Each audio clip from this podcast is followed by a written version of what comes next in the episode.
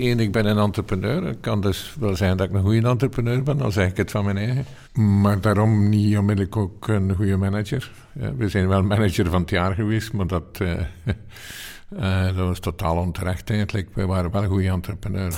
Ja. De beste kamer met Helda Engels en Lea de Bok. Hij was 19 toen hij ondernemer werd. Het zat in hem, meer om anderen te helpen dan om zichzelf te verrijken. Paul Houspie werd de helft van een gouden duo. Samen met Jo Lernout veroverde hij met nieuwe spraaktechnologieën de wereld. Lernout en Houspie werd een succesverhaal zonder weerga. Big business. Voor Vlaanderen een onderneming met op haar hoogtepunt een beurswaarde van 8 miljard dollar. Maar Lernout en Houspie was te zeer vooruit op zijn tijd en verstoorde brusk de markt en machtige spelers. Een gebrek aan transparantie werd het duo fataal. Het woord fraude viel. Volgde de langste en meest omvangrijke rechtszaak uit de Belgische geschiedenis. Jo Lernout pleitte onschuldig, Paul Houspie schuldig. Beiden werden veroordeeld tot drie jaar cel, effectief. We zijn vandaag 20 jaar en een immense loutering later. De beste kamer met Helda Engels en Lea de Bok. En met Paul Houspie. Het tweede element is dat ik eigenlijk altijd voor een stuk dingen heb gedaan waar ik probeerde de gemeenschap ten goede te komen. Het derde stuk pijler voor mezelf is ook, ik ben gelovig. En dat is voor mij een, een zeer belangrijk element. En het, het, vierde element is ondertussen wel geëvalueerd. Ik was voor een zeer goed stuk een, een pleaser, noemen ze dat in het Engels. Uh, zowel Jo als ik zelf waren, waren pleasers. Dat is een stuk geëvalueerd, maar toch moet ik daar nog altijd wat tegen, uh, tegen vechten. Waarom? Wel, omdat je dan soms dingen doet die, om te pleasen die tegen je principes ingaan. En dat is dan ook in het verleden gebeurd. Ja. Uh, ik heb een zware depressie gekend en eigenlijk is die depressie geleidelijk aangekomen. En dat was gewoon omdat ik tegen mijn eigen geloofssysteem, tegen mijn eigen waarden uh, heb gehandeld. En dat is voor mij de oorzaak van een zware depressie geweest. Plus we zopen alle twee van het vaderland weg, Jo en ik, uh, in een dag overleven met koffie. We gingen één à twee keer gaan eten per dag. We hebben veel weken gekend waar, dat we zelfs veertien keer gingen gaan eten op een week. Ja. Uh, zaterdag en zondag inclusief. Dat is niet om vier op te zijn, wel in tegendeel. Wat waren dan de waarden waar u tegen zondigde? Wat, wat dat tegen zondigt is, is, om het woord zonde dan maar te gebruiken, is voor een eerlijkheid. Hè? En eerlijkheid in de financiële sector, dat noemen ze transparantie. Uh, we zijn niet transparant geweest. Je mag doen wat dat wij gedaan hebben, dat mocht je doen, maar dan moet je dan hè, dus investeren in vennootschappen die dus afnemen van u, die dus uh, omzet uh, genereren voor jezelf. Je mocht dat doen, maar je moet dat laten weten aan de markten. En wat betekent eerlijkheid in uw dagelijkse leven? Als mens? Als, als mens eerlijkheid in het dagelijkse leven is eigenlijk uh, vooral eerlijk zijn over uw intenties. Laat uw intenties kennen. En dat vermijdt heel wat problemen voor jezelf en voor andere mensen. Maar als je vertrouwen wilt hebben van mensen, ja, dan moet je de waarheid vertellen. En dat is, eh, dat is ook hetgeen dat bij ons verkeerd is gelopen. We hebben fraude gepleegd, ja, en dan, ja, dan moet je beginnen liegen. En dat gaat dan tegen u, een van uw basiselementen in. Dat gaat gaan kapot. Als je tegen uw eigen waarden ingaat, dat ondergraaft zelf, dat ondergraaft uw zelfrespect. Ik ga niet zeggen dat je mensen niet meer durft aankijken, maar het gaat, zal erop beginnen trekken. Het heeft voor mij vijf, ook 50 jaar geduurd tegen dat ik in de spiegel durfde kijken. Heel wat mensen eh, doen er heel leven over en slagen er niet in. Hè. En wat heeft die spiegel dan gezegd of gedaan met u? Ah, die, die spiegel was niet zo mooi om naar te kijken. Hè. Hè, maar je begint dan jezelf te bekijken, kritisch te bekijken. En dan uh, zie je de mooie dingen. Dat zie je meestal eerst. Maar dan zie je ook de minder mooie, de minder mooie dingen. Hè. Als je dan bereid bent om uh, er iets aan te veranderen, dan pas begint de weg. De weg terug omhoog. Ja. Uh, voor mij is dat de weg omhoog geweest. Hè. Ik ben zeer dicht bij de zelfmoord gestaan. Uh, op een paar minuten na, of een paar seconden na, of wat, wat je het ook wilt noemen. Maar op dat moment krijg je geen inzicht. Hè. Inzicht is evolutief. En het neemt een zekere tijd. Maar op een bepaald ogenblik, ik stond met, in de ene hand met mijn pillen in de hand. In Zuid-Afrika, waar ik dan woonde. En aan de andere kant met een, uh, met een glas wijn. Want ik dronk gemiddeld tussen anderhalve fles en, en drie flessen rode wijn per dag op dat moment. Ja. Uh, waarmee dat ik dan ook abrupt gestopt ben. Ik keek dan naar de foto van mijn kinderen. En dan is er iets geklikt in mij en dan heb ik het glas tegen de muur gekwakt. Het is een moment dat gewoon bij, bij mij in mijn ziel gegrift is. Ja.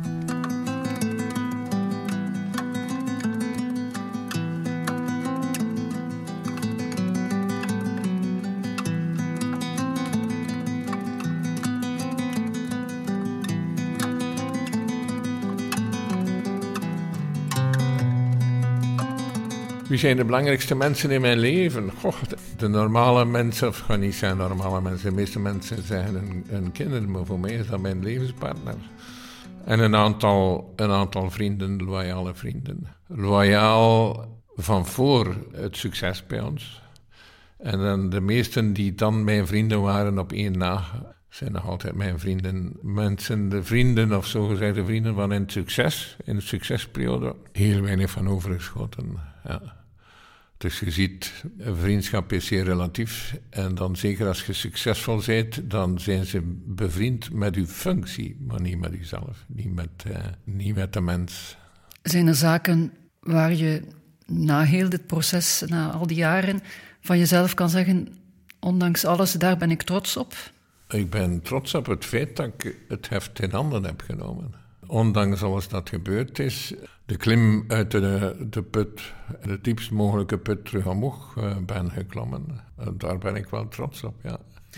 Want die put is ook bijna letterlijk een tijd in de gevangenis geweest. Ja, ja, ja. U en ik zijn 60 dagen in de gevangenis uh, geweest. Maar dat was niet een diepste put. Allee, voor de gevangenis had ik drie gsm's. Eén privé, één zakelijk en dan de derde gsm bij mijn chauffeur. De wereld staat nooit stil voor u op dat ogenblik. De wereld stond ook nooit stil, ook omdat we... Ja, wij zaten in, ik geloof ik, in 32 landen waren wij actief. De zon gaat dus nooit onder. Je hebt ook geen leven meer. Maar in de gevangenis ben je wel geconfronteerd geweest met... Die wereld stopt abrupt. En dan zijt je verplicht van in, in de spiegel te kijken. Het is, het is muisstil. Hè? Je hebt, je hebt uh, niks meer van impulsen van buitenaf, alleen van binnenaf. Dat betekent dat je dat dan eigenlijk, dat, dat is waar. Als je dus dag en nacht altijd bezig bent, ja, zonder je dikwijls ook af te vragen waarom dat je bezig bent, waarom dat je dat allemaal doet. Je vraagt je dat allemaal niet meer af. Je zit in die treadmill, zijn ze in het Engels, de rat race. En dan stopt die treadmill.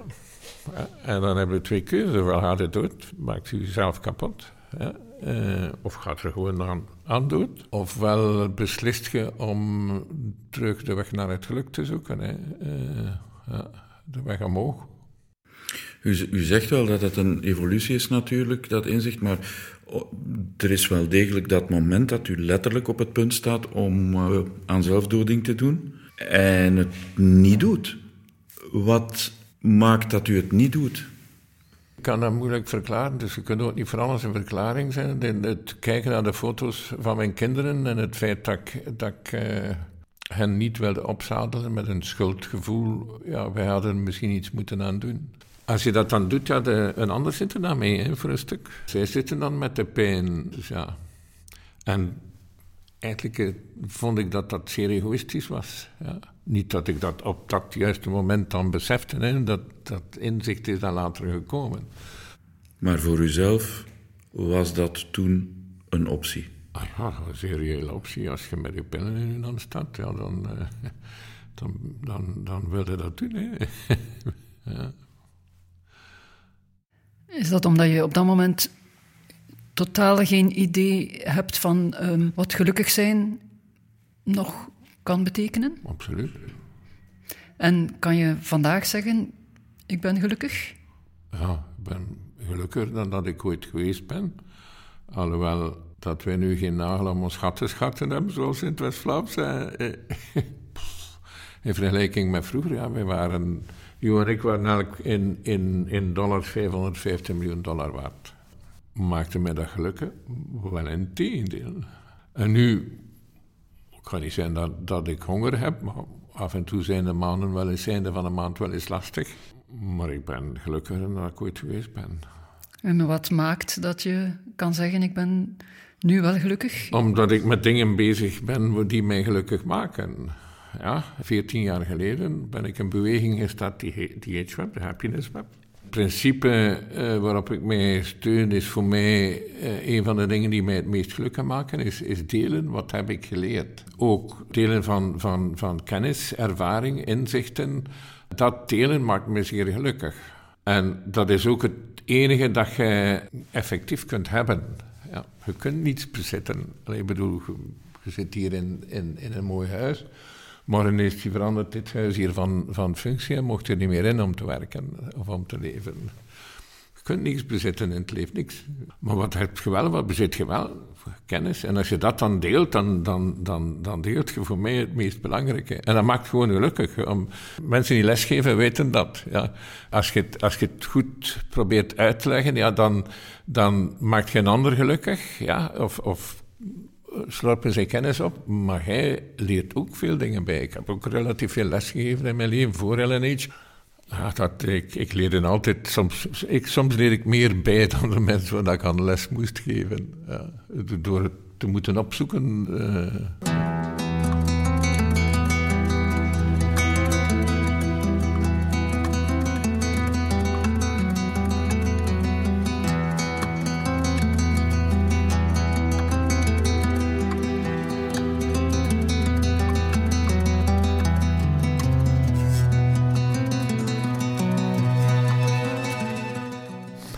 Ik deel mijn kennis nu vooral met, uh, met zoveel mogelijk entrepreneurs in Afrika. Hè. Ik heb geleefd in Zuid-Afrika. En van entrepreneurship ken ik iets. Uh, businessmodellen, uh, financieringsmethodes, al dat soort dingen. Ja, ik kan daar uren over babbelen. Maar dat is ook de plaats waar dat kennis moet gedeeld worden. Kennis wordt hier in het Westen achtergehouden. Hè, zodanig dat ter plaatse zo weinig mogelijk eh, geproduceerd wordt. En dat zoveel mogelijk, uh, laten we zeggen, toegevoegde waarde gecreëerd wordt, rijkdom gecreëerd wordt in het Westen. Ja. En Afrika, en ook andere landen, maar Afrika probeert men dom te houden. Ik heb in Zuid-Afrika gewoond, dus als je in Kaapstad ooit geweest bent ja, het grootste township Khayelitsha, als je buiten de luchthaven komt, ziet je het al. Ja, ik was daar, eh, ik ga niet zeggen elke dag, maar het scheelde niet veel. Dan ziet je wel de echte realiteit. Hè? Niet van de witten, die eh, veel Afrikaners hebben zelfs nog nooit in een township geweest. Er zijn er veel mensen met, met heel veel talenten. Er zijn heel veel mensen, vluchtelingen, die geen identiteit hebben. Die daar illegaal zitten, die eigenlijk niks kunnen doen. En dan, dan doen ze wat commercie. Maar eigenlijk, ja, commercie gewoon om te overleven. En wat wij proberen bij te brengen met die HWAP, is eigenlijk hen iets groter zien, zodat ze effectief toch een menswaardig leven kunnen hebben. En nu, nu, we kennen een aantal mensen die kippenpoten verkopen. Ik weet niet of je het ooit gezien hebt. Ja. Uh, men verkoopt dat voor één rand. Dat is dus wat ongeveer één zeventiende van een euro. En met een paar kippenpoten voeden die mensen zich. Hè. Uh, smileys, heb je ooit smileys gezien? Ja, een smiley is een geitenkop die in twee... En daar halen ze dus met een lepeltje uh, hersenen en vlees uit. Uh, kippenvellen. Ja, kippenvellen worden opgespaard in de winkels van de rijken, want de meeste vrouwen in Zuid-Afrika dan, typisch voor Zuid-Afrika, die zijn één of twee dienstmeiden of zelfs meer gewoon... En die kunnen niet koken. Ik kan u daarvan getuigen, want ik heb een paar vriendinnen gehad, kinderen.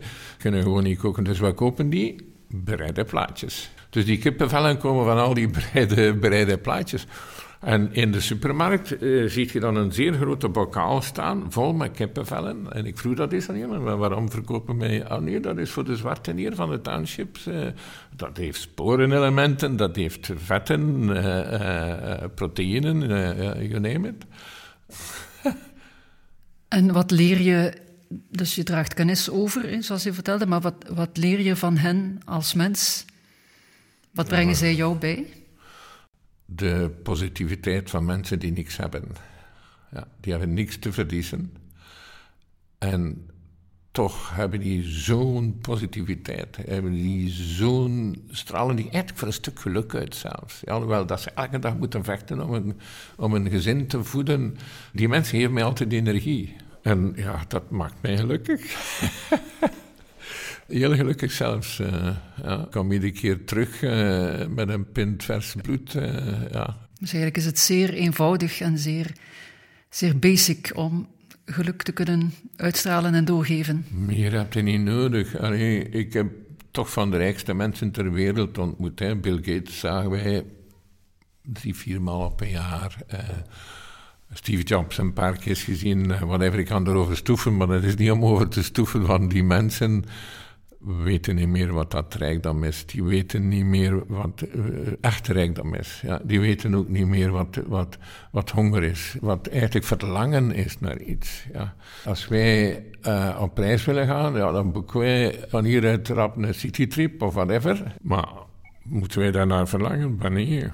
Ja, maar ik ken mensen die die ik meegepakt heb naar, uh, naar Europa. Heel wat moeite moeten doen om een visum te krijgen zelfs, want ook dat wordt afgeschermd.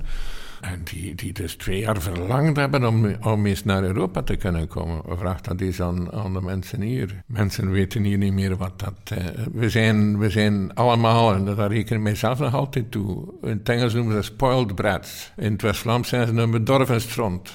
Dat zijn we allemaal. We weten, weten de juiste waarde niet meer.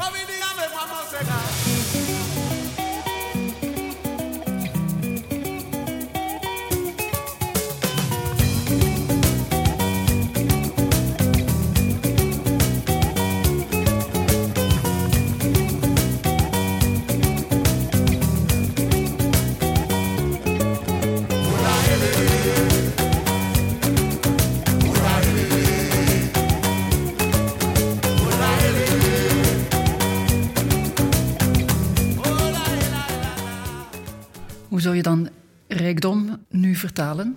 Dat is simpel, dat is van binnen en niet van buiten. Ja.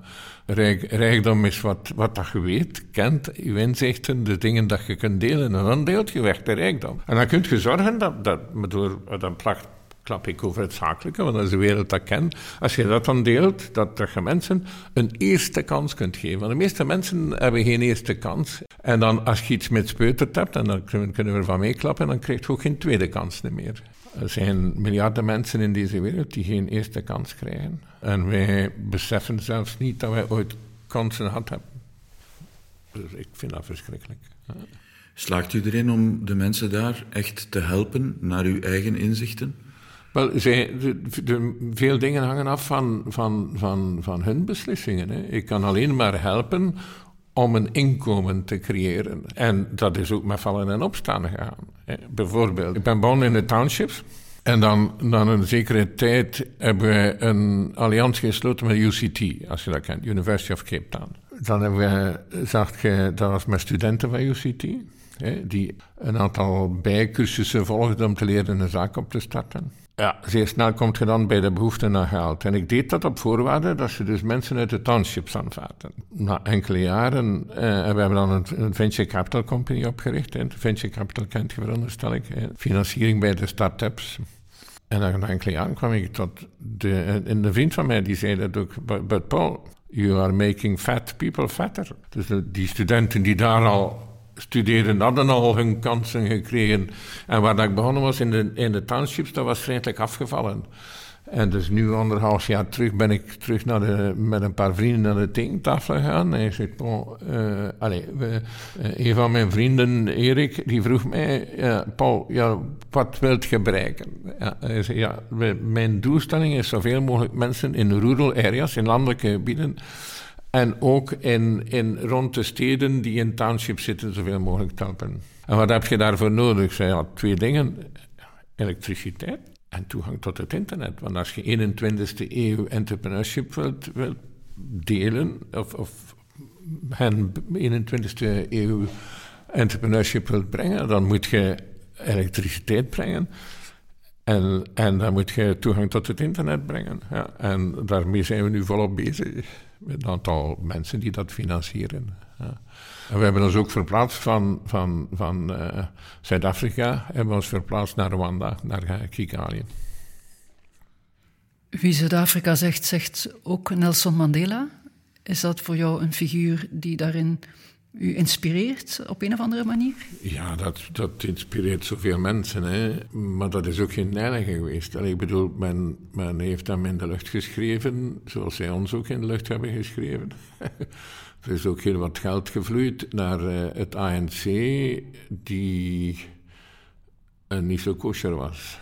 Maakt hem dat dan een minder goede figuur voor mij? Nee, maar zet hem wel in een perspectief. Niemand uh, is zonder zonde. Hè.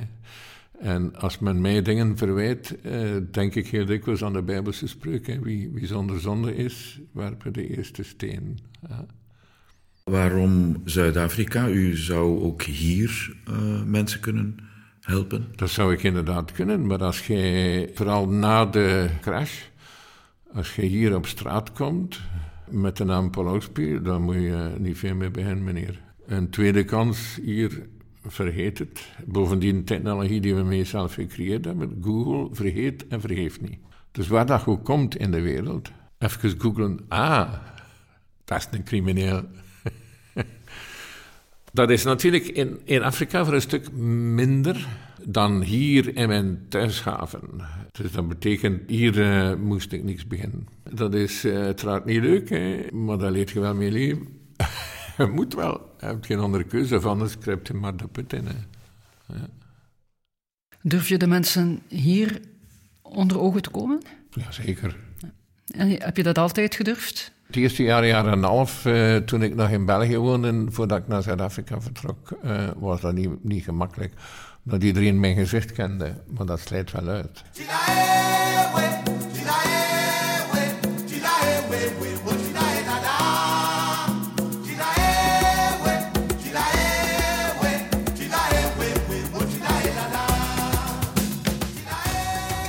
Zei daarnet, of je citeerde daarnet al uit de Bijbel. Je hebt ook al gezegd, geloof heeft altijd een rol gespeeld in mijn leven. Wat betekent vandaag geloven voor u? In eerste instantie geloven dat er een God is. En de belangrijkste element in de Bijbel is zorgen voor een ander en zorgen voor jezelf. Doet aan uw uh, gebuur niks aan wat dat je zelf voor jezelf niet wilt aandoen. En was dat voor u ook even belangrijk 20, 30 jaar geleden? Ik dacht dat dan, ja. ik dacht dat ik het ook toepaste, onder andere Flanders Language Valley. Hè. Flanders Language Valley is voor ons een... toch voor mij teruggeven wat dat mijn eigen gemeenschap gedaan had voor ons. Hè. Want zijn de bakkers en boeren en beno's hebben ons gefinancierd en gezorgd dat, dat dit bedrijf op de wereld kwam. Dus de reden waarom dat we dat dan in gang hebben gestoken, de geïntellectualiseerde reden, als ik het zo mag, mag noemen, was eigenlijk teruggeven aan de gemeenschap. Ja. En dat zat er een groot stuk in. Maar dat was evengoed ook het voeden van ons eigen ego. ik bedoel, we waren de goden van, van België en dat heeft, het nog, heeft ons nog meer op een piedestal uh, gezet tot we ervan gedonderd zijn natuurlijk. en geloven dat er een God is, wie of wat is God dan voor u persoonlijk? Dat kun je niet weten.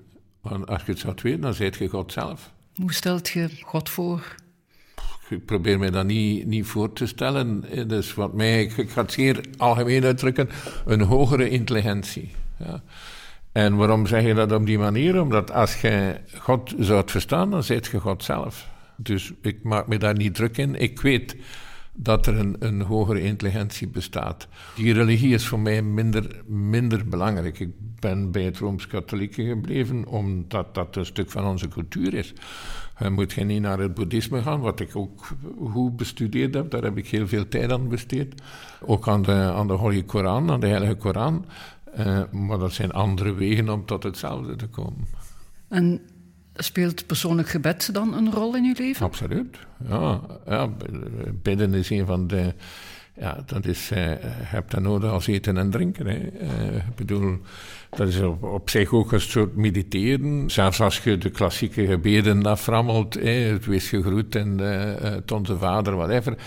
Ja, dat zijn technieken die boeddhisten ook gebruiken en andere godsdiensten, mantra's, dat soort dingen. Gaat men daar geen kwaad woord van horen vertalen. En is dat iets waar jij dan dagelijks tijd voor vrijmaakt? Elke dag, ja. Ik, ik sta s morgens om half zes, zes uur op en dan gaat daar minstens uh, een uur in, ja. Uh, op de, ik noem dat brevieren. En met het brevier dan, of met de Bijbel? Of, ja. of? Maar niet alleen Bijbel, hè. ook boeken, tijdschriften, tertio, uh, de dingen die, waar ik iets meer van wil weten. Ja, de twijfels dat ik heb, want als je geloven bent, heb je per definitie twijfels. Want anders ben je voor mij geen echt gelovige. Je moet dat altijd in vraag blijven staan. En als je iedere keer weer op hetzelfde punt komt, dan zijn het zal wel juist zijn. En had je daar in de tijd van Leonard en Houspie ook tijd voor om alle dagen... Nee. Nee, ik ging wel regelmatig naar... Uh, ik woonde niet ver van twee kloosters, hè, Le Cas en Sint Sixtus. En als ik een keer een rare avond thuis was, ging ik naar de Vespers om, om vijf uur of vijf uur dertig was dat in, in Cas. En, en uh, als ik kon, ging ik naar de mis. Uh, dat was dan om negen uur in Sint Sixtus. En de zondag ook naar Sint Sixtus. Trouwens, de toenmalige abt heb ik wat beter leren kennen. En dan als ik in de gevangenis was, kreeg ik ineens een kaartje van de abt. Met één zinnetje eronder. Groeten van cel tot cel. dat deed het voor mij. Ja. Zit zeer veel achter, achter die paar woorden. Ja, van cel tot cel. Ja.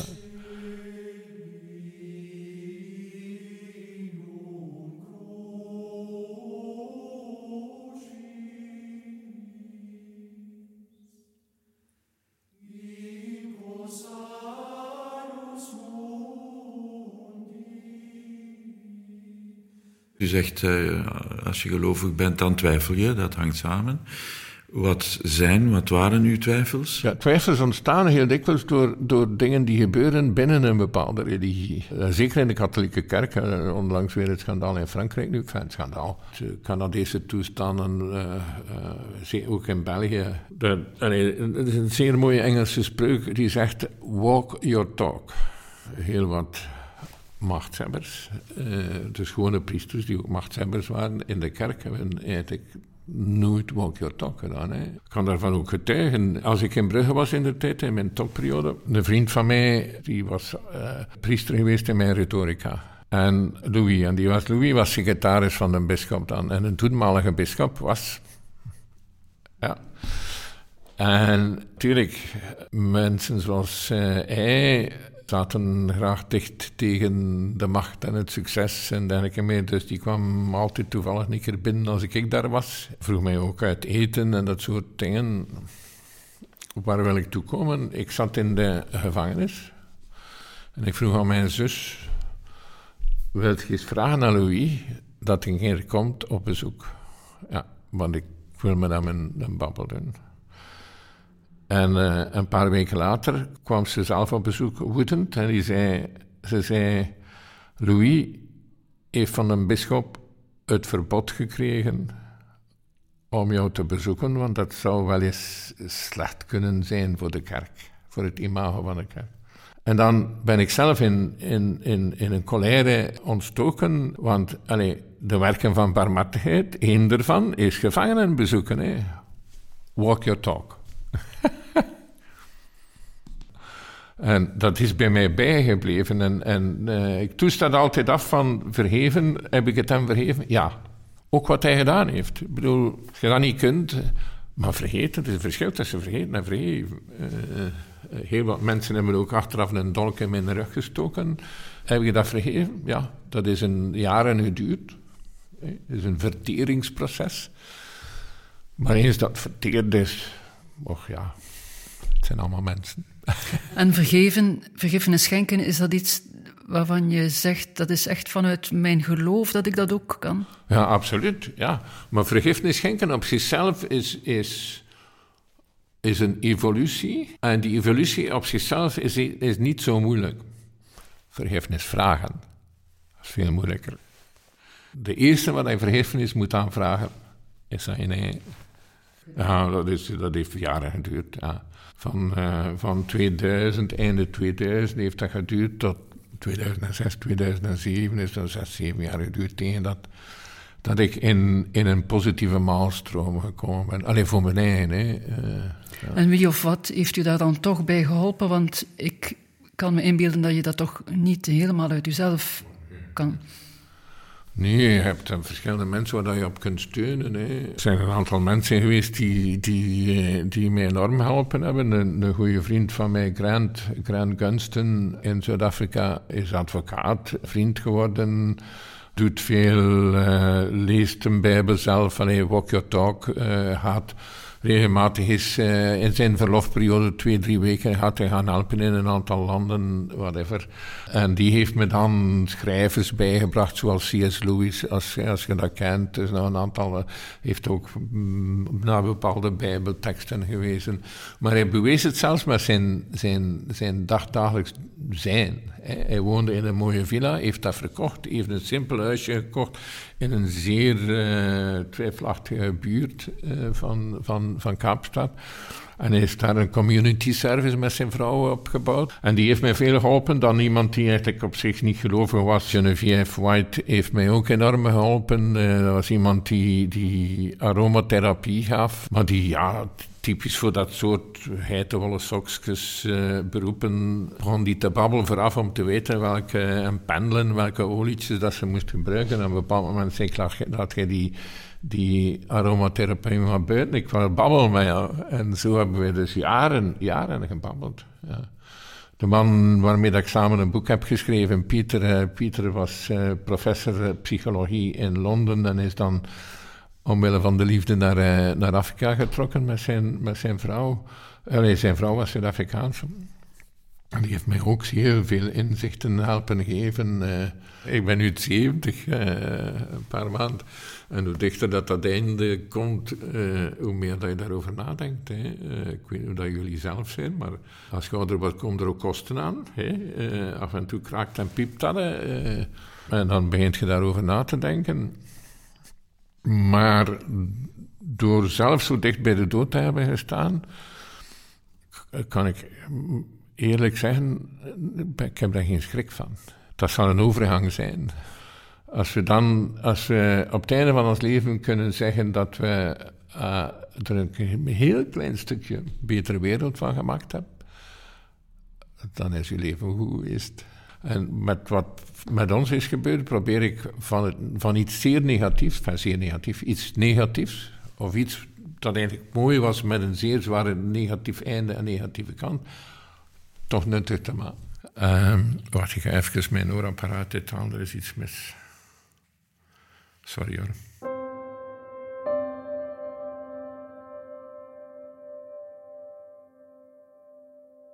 De beste kamer met Helda Engels en Lea de Bok. En met Paul Housby. Uh, Gregoriaans is een van de puurste vormen van het uitdrukken van uw geloof. Allee, lux eternam, het, het, het eeuwige licht, dat is wat dat we naar streven, dat soort, dat, soort, dat soort dingen. En nog altijd voor mij de mooiste mis is de mis van de begrafenis. Wat dan gelijk is ongeveer aan de mis van Pasen. Hè. Ja, dat is het mooiste. Ik, ben nog, ik ken me dat nog van, van buitenland kwam. Ik kwam van Singapore, van de vlieger met mijn chauffeur rechtstreeks naar een, naar een begrafenis om de, om, om de begrafenismis mee te kunnen zingen. Bent u ijdel? We zijn allemaal ijdel. Hè. Het kan niet zijn dat ik fysisch ijdel ben. Mijn vrouw is er altijd kwaad voor. Nee, van, uh, allee, god, dan ik een zwembroek aan doen. Nee. Uh, dat is wat anders dan niet op dat vlak. Uh, de Jo is daar anders in. Jo is een verkoper. Hè. Voordat Jo ergens binnen ging, in de spiegel gekeken en zijn haar gekabben. En dan uh, grapte ik daar dikwijls over. En omgekeerd ook, van ja, Paul, tijdens weer een plek op je vest is. Of had een ander plastron aandoen. Op dat vlak ijdel niet, maar uh, als ik het heb over ego, is dat effectief ego. Het grootste kwaad in de wereld is ego. En dat ego is er nog altijd sterk? Ja, ego gaat bij niemand compleet weg. Hè. Uh, we hebben dat allemaal. Maar hoe slaag je erin om dat dan toch meer naar de achtergrond te brengen in vergelijking met vroeger? Door uh, in de spiegel te kijken. Door te kijken wie ben je. Door de film terug af te draaien. na een meeting, zoals deze bijvoorbeeld.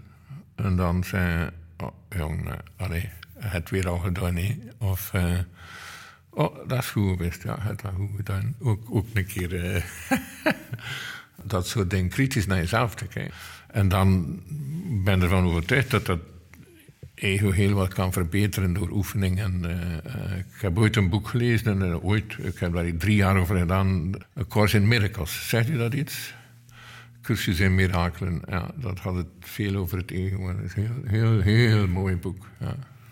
Je, ja, je bent natuurlijk gelinkt aan Jo Lernout. Waren jullie, wat ik, of wat jij zou noemen, vrienden? Ja, wij waren zeer complementair. Wij vulden elkaar perfect aan, wij voelden elkaar ook perfect aan. En als je elkaar perfect aanvoelt, dan zijn je wel redelijk goede vrienden.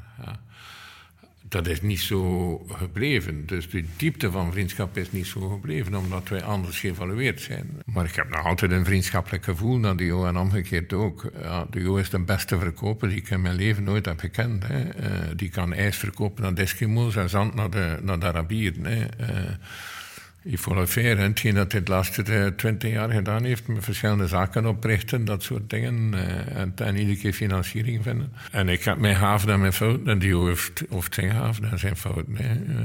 Uh, fantastische gast, Jo. Maar Jo is wel altijd twintig jaar voor. Ik bedoel, hij ziet dingen die binnen twintig jaar gebeuren en hij wenst dan dat het nu gebeurt.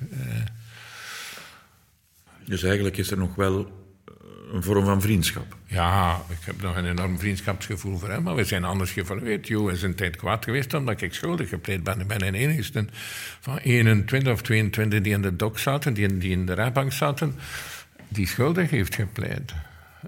Ja, ik vond dat niet overeenkomt met mijn geweten om tegen het dossier te gaan pleiten. Ik bedoel, als het zwart op wit staat dat je gefraudeerd hebt, dan moet je daar dan nog tegen gaan pleiten. En zelfs dan, als het niet zwart op wit stond, als je ervan overtuigd bent dat je, dat je een fout gemaakt uh, hebt, ja, dan, dan moet je zonder anderen noodloos erbij te betrekken. Want dat is belangrijk in dat soort dingen. Ja, dan, dan denk ik dat je, dat je ook daar de waarheid moet zeggen. Ja, dat begrijp ik.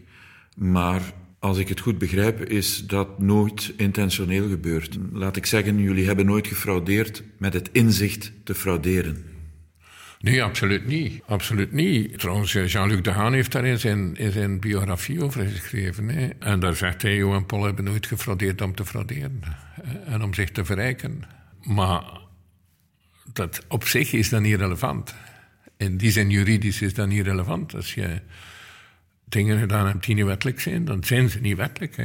Ik bedoel, je kunt ook iemand vermoorden met de beste bedoeling. Hè. Voor het verhinderen van het grotere kwaad. Hè. We kennen, we kennen die, uh, die paradoxen.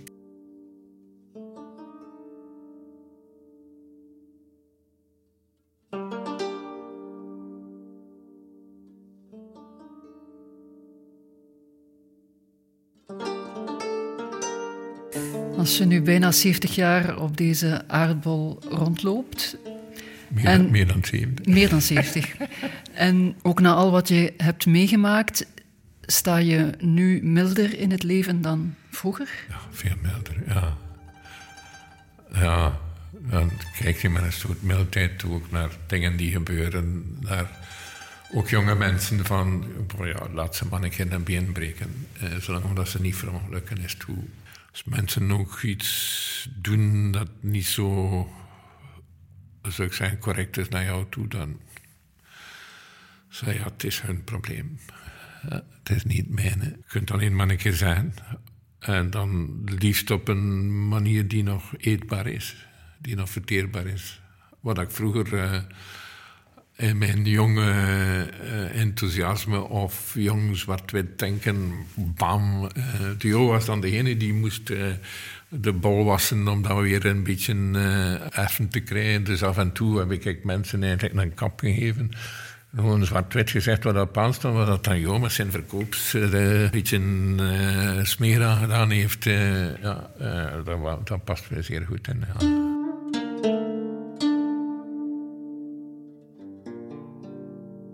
De inborst de basis van de meeste mensen. Niet allemaal, want het kwaad bestaat dus ook. Maar de, de fond is meestal wel goed. De manier waarop is soms heel wat anders. Ja. En het ego is daar de boosdoener voor. Mensen gaan voor hun ego stomme reacties doen, om die reacties dan te coveren, weer nog stommere dingen doen en dan graven ze een put. En dan gebeuren moorden en dan gebeuren dat soort passionele dingen. Ja. Terwijl dat, dat ego is, is niks. Dat is is niks en dat is lucht. Letterlijk.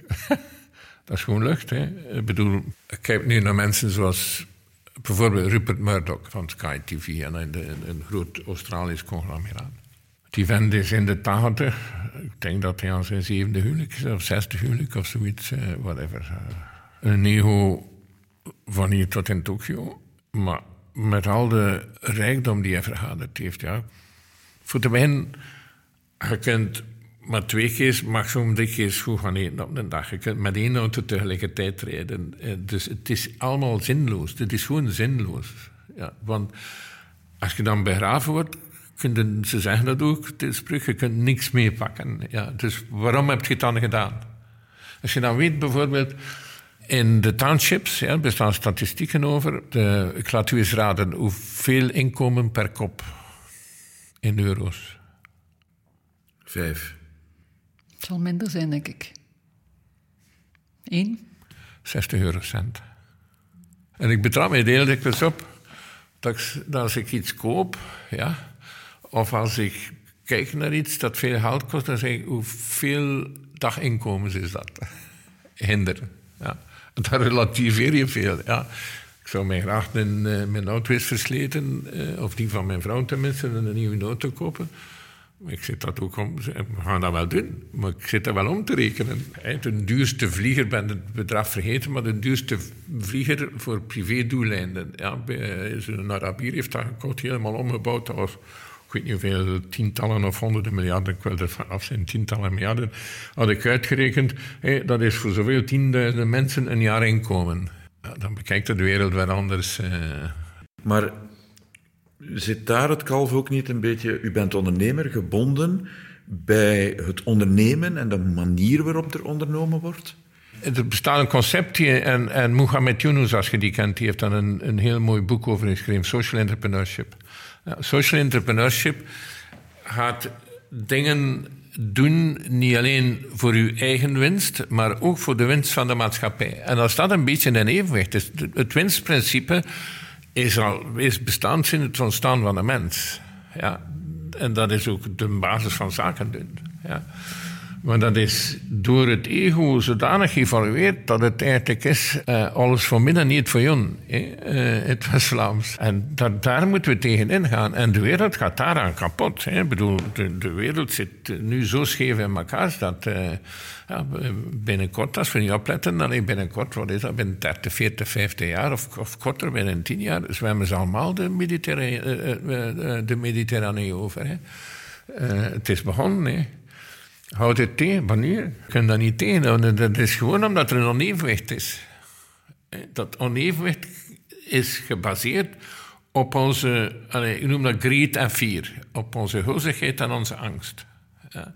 En de hulzigheid is ego, altijd meer. En als we daar niet kunnen tegenin gaan, dan gaat deze wereld gewoon naar de knoppen. En dat is bezig. Allee, ik bedoel, eh, het is niet vijf voor twaalf, het is vijf na twaalf. Ik probeer dat te begrijpen, maar begrijp dat niet.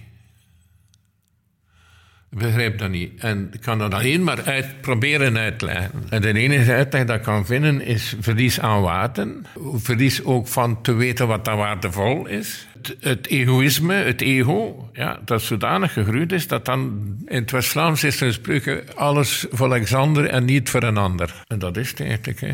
En dan wij onze rijkdom proberen af te schermen en zeggen: hey, we gaan hier geen binnenlaten, wij moeten rijk blijven en zij moeten arm blijven. Je moet uw plaats weten. Wie heeft dat bepaald? Wij, kolonialisten. Ik ben opgegroeid in Congo, tussen acties. Ik ben opgegroeid in Afrika als kind. Ik heb het wel gezien.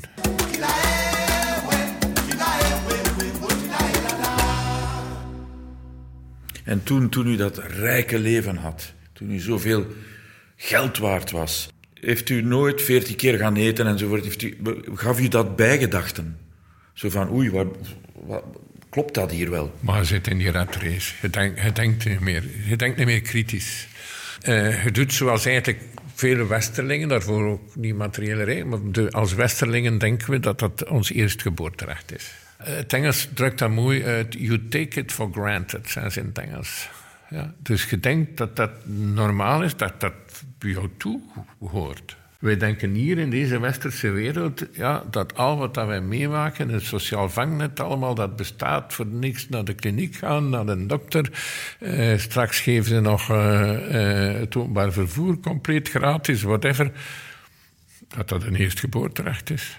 Niets is minder waar. Het zal veranderen. Het kan ook niet anders. Hoezo? Ah, gewoon omdat dat onevenwicht is zo groot dat mensen hun leven geven om, om, om dat onevenwicht te verstoren, te saboteren. Dat zijn hopeloze mensen. Maar dus die hopeloosheid hebben wij zelf gecreëerd. Door dat kolonialisme, door, door ons egoïsme, door, door het Westen is een beetje zoals het gebeurd is met het Romeinse Rijk. De decadentie, onze wereld is voor een stuk ook zeer decadent geworden op, eh, op alle vlakken. Moreel vlak, seksueel vlak, pure decadentie. Eh, Temptation Island of zoiets. Uh, wat dat ze allemaal gedaan hebben om je te kunnen verleiden. Hoopt u, u heeft daar straks al wat gezegd door uw bijdrage in, in Afrika, vandaar een heel klein steentje te verleggen om een heel klein steentje, ja. Dat zegt u het goed. Uh, Bram Vermeulen drukt dat zeer goed uit. Hè. Ik heb een steen of ik heb een kei verlegd. Ja. wij gebruiken nu ook dat in ons manifesto. Je moet maar eens kijken, ik weet niet of je het gezien hebt op onze website, ons manifesto, staan eigenlijk al de principes waar daar achter staan. Wat ik voor een stuk geleden heb in de, in de laatste 30, 40 jaar, 50 jaar. En dan wat we geleden hebben in de laatste 15 jaar met THWeb. En ja, wij proberen een keitje te verlagen. En dan vloeit het water nooit meer op dezelfde manier. Uh, iedereen heeft het recht om gelukkig te zijn, daar begint het mee. Iedereen heeft dat recht. Transparantie. Ik heb het daar juist over gehad, transparant zijn. Intention management. Proberen uw intenties te managen en, en ook transparant te zijn over uw intenties. Dus al de elementen die in een manifesto staan, achter ieder punt stak ik dus present. Menselijkheid staat daar ook in. Een eerste kans geven, maar ook een tweede kans geven. Aan die tweede kans kan ik meeklappen. Eerste kansen heb ik genoeg gehad. Hoe leeft u nu? Hoe moet ik dat zien? Bent u arm? Gelukkig eh, is mijn, mijn vrouw materieel niet, er niet slecht aan toe. We zijn gescheiden en dan ondertussen een nieuwe relatie aangegaan. Dus ik kan niet zeggen dat ik arm leef, maar zij spendeert wel aan mijn ideaal, mag ik maar zeggen, spenderen wij wel elke maand eh, zodanig dat we soms moeten kijken om de maand te overbruggen. Eh, van graag zien gesproken. Eh, zij staat achter hetgeen dat ik, dat ik eh, achter hetgeen dat ik doe. Ja, en, en dus ze gaat er de hele weg voor hem.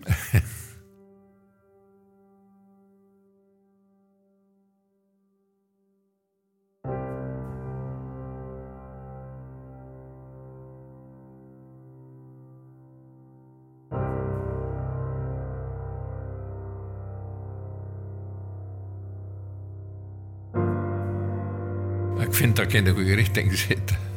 Richting naar het licht. naar, naar het pure. En we zijn allemaal... We hebben allemaal onze gaven en fouten en, en, kleine dingen. Uh, maar als je zegt, gaat de goede richting uit, dan mogen we content zijn. En ik ben content.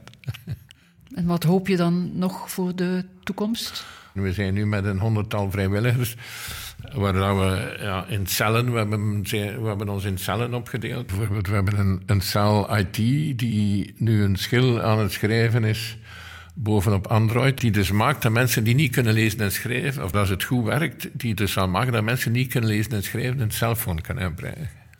Onder andere met spraaktechnologie.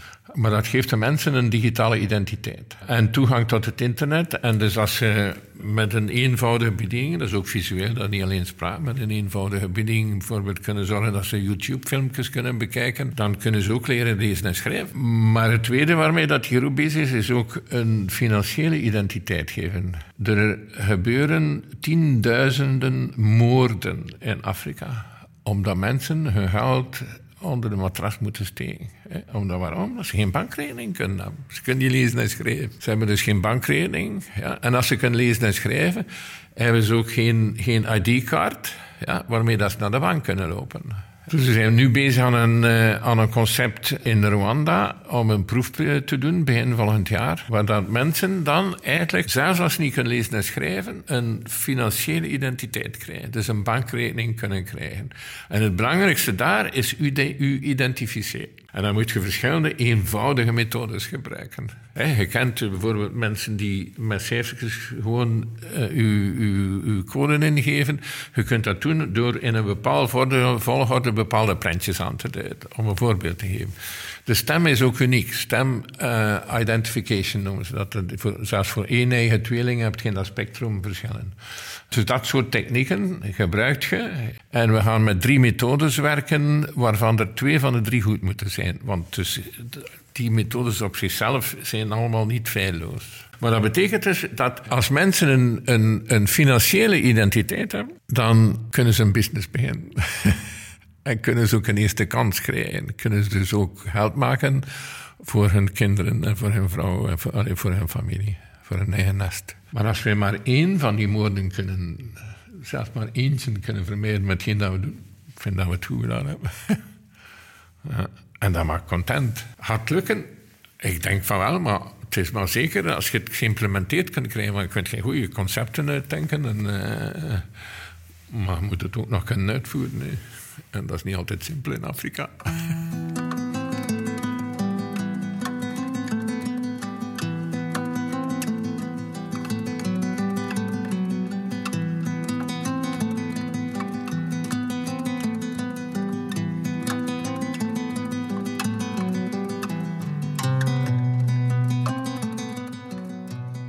Ja, moet de structuur van onze maatschappij bekijken. Hè? De modale mens ten opzichte van degene die aan de top staat. Hè. Uh, de politiek, als je die in België bekijkt, pff, jongens, ze hebben nu 5% van de wet afgedaan in het Vlaamse, uh, Vlaamse parlement, denk ik. Maar dan is er nog genoeg over om u tegen te zijn. Hè. Bedoel, dan vraagt het, ja, maar al die grote zinnen, grote woorden, dat ze een keer doen. Een van de principes in ons, in ons manifesto is buying and selling results. En wat is dat? Je het goed verdienen op basis van uw resultaten. Het is niet van te vertellen dat je iets gaat doen. Het is van het doen en het doen slagen. Ik geloof nogal in de parabel van de talenten. Dat is de parabel van de entrepreneurs voor mij. En dat is ook hetgeen dat ik nu aan het vertalen ben. Uw talent in de grond stoppen en wachten totdat de Heer komt en zegt: Ik had schrik van u, hier hebben ze terug. Dat is wat maar al te veel gebeurt.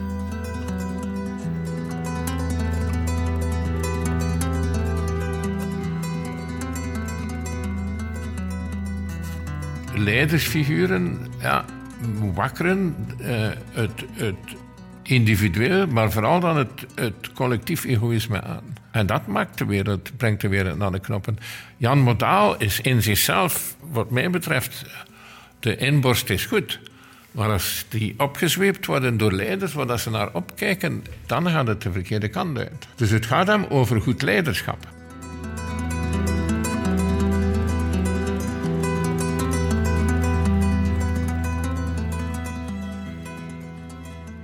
Ik heb relatief goed uh, Lee Kuan Yew gekend, uh, als dat u het zegt. Lee Kuan Yew, de, stichter van Singapore, in het jaar 65 gesticht, 1965. Afgescheurd van Maleisië. Die heeft er een fantastisch land van gemaakt. Van een stadstaat. Dat was een verlichte dictator. Je gaat me niet horen zeggen dat ik voor dictatorship ben, wel in tegendeel. Hè.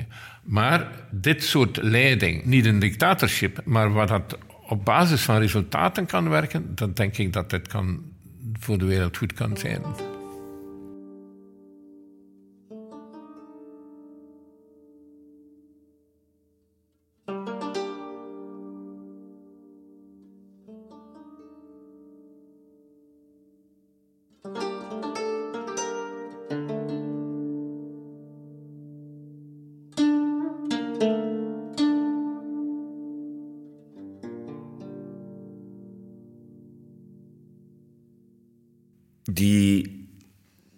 Rijkdom en het vooruitzicht op rijkdom dat u heeft gehad, mist u dat nooit of komt u dat nooit voor als een gemis in de zin van, doe me toch hè? Natuurlijk, maar niet, niet in de oergrootheid. De rijkdommen van mensen op topniveau, die kunnen nooit opdoen. Allee, toch niet als je een plus-minus normaal leven leidt. En dat je een keer hier of daar een falieken betaalt, dat is goed. Maar als dat falieken een, een, uh, een verzameling uh, sportscars is, dan uh, is dat heel wat anders. Hè. nee, daar streef ik niet naar. Maar af en toe een keer, ja, een keer goed gaan eten bijvoorbeeld. dat soort dingen. alhoewel dat ik daarmee ook dikwijls mijn, vrouw en ik gaan wel eens eh, gaan eten. Dan zit ik ook weer uitrekenen, 60 eurocent per kop. Eh, dat, eh, we hebben hier met 72 euro of 80 euro uitgegeven. Ja, dat is al bijna 160 man, mandagen dat ik betaal. Dus wij hebben geen leven geleid om te zijn, giet uit in de zakenwereld wel. Daar gingen wij gaan eten naar de duurste restaurants, eh, inclusief Sergio's van deze wereld. En, en, en, en wat is het hier in uh, de grote restaurant, comme chez en dergelijke meer. Dat was giet uit. Uh, jo en ik hebben, hebben enkele villa's ver, vereten en verzopen.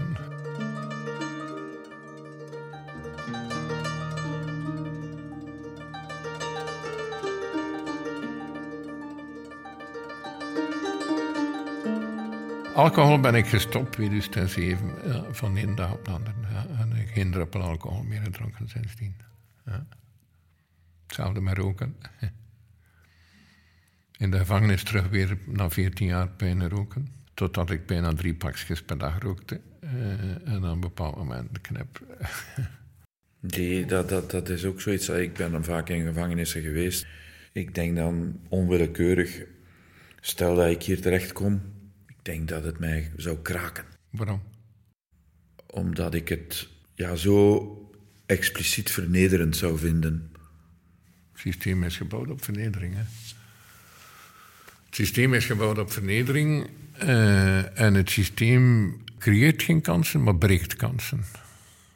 In de wandeling, ik heb één of twee keer per dag een wandeling, ja, kwamen regelmatig, mijn bijnaam was Bill Gates. Ja, dat was mijn bijnaam in Brugge. Ik zat in Brugge, Jo zat in Nieper. En dan kwamen regelmatig mensen bij mij van... Als ik hier buiten kom, waar moet ik gaan? Ja, in een bak gezeten. Jobs. En ze, wat moeten we anders doen dan de rest weer gaan delen? Hoe moet ik anders mijn kinderen zien geven? Dus je krijgt geen eerste kans, geen tweede kans meer. Vandaar dat we het ook hebben opgenomen in ons manifesto. Uh, je moet eens in mijn positie bijvoorbeeld uh, bij een bank die u niet kent een bankrekening gaan openen. Dat krijg je, hè? Ik heb vijf of zes maanden moeten doen na de, de crash van LNH om een uh, te kopen. En voordien reed ik met de duurste wagens, maar dat was allemaal geen, geen probleem om een leasing te krijgen. Uh, ze stonden in de rij om ons leningen te geven. En de discrepantie was heel groot. In die zin, die een auto kostte dan, ik weet niet meer wat, 25.000 euro of zoiets, of, of 20.000 euro. En dus om een leasing te krijgen van 20.000, 25.000 euro, ja, heeft me dat vijf, zes maanden geduurd. Nog geen jaar daarvoor in juli van het jaar 2000 hebben we Dictaphone gekocht. We hebben dat gekocht voor 950 miljoen dollar, grosso modo een miljard euro. En daar waren twee stukken in. Je hebt een stuk equity, eh, kapitaal, 450 miljoen debt, eh, 500 miljoen equity. En die debt moet je herfinancieren. Eh, dus die, die schuld moet je herfinancieren. Ik denk dat, dat ik dan het wereldrecord heb gebroken. Ja. Op een grote drie weken tijd. Ze stonden in terrein te banken met hun geld. In de zomerperiode hebben we die debt kunnen herfinancieren. Dus grosso modo 450 miljoen dollar. Een Skodake van 25.000 Belgische frank. Vijf, zes maanden. Grappen. Mag ik nu zeggen, wie heeft zal gegeven worden? Wie heeft. Ja, wel, dat komt neer op de spreuk van veel banken. Eh, een bank geeft u eh, eh, een paraplu als de zon schijnt en vraagt hem terug als het regent. En dat is zo algemeen met de maatschappij. Wie heeft, heeft met een hash. Hè. West-Vlamingen hebben daar last mee. Wie heeft, zal gegeven worden. En als je van de perfide gedachte uitgaat dat in een vicieuze cirkel niet kan gebroken worden, dan moet je in je graf kruipen. Ja. Dus als je, ik heb van Geneviève in Zuid-Afrika geleerd, Paul, als je iets ziet dat verkeerd loopt, ja, dan moet je daar iets proberen aan te doen. Als je niets probeert aan te doen, dan ben je schuldig, of medeschuldig. Het is juist hetgeen dat ze zijn. En dat is voor mij hetgeen dat mij nu beweegt, hetgeen dat ik doe.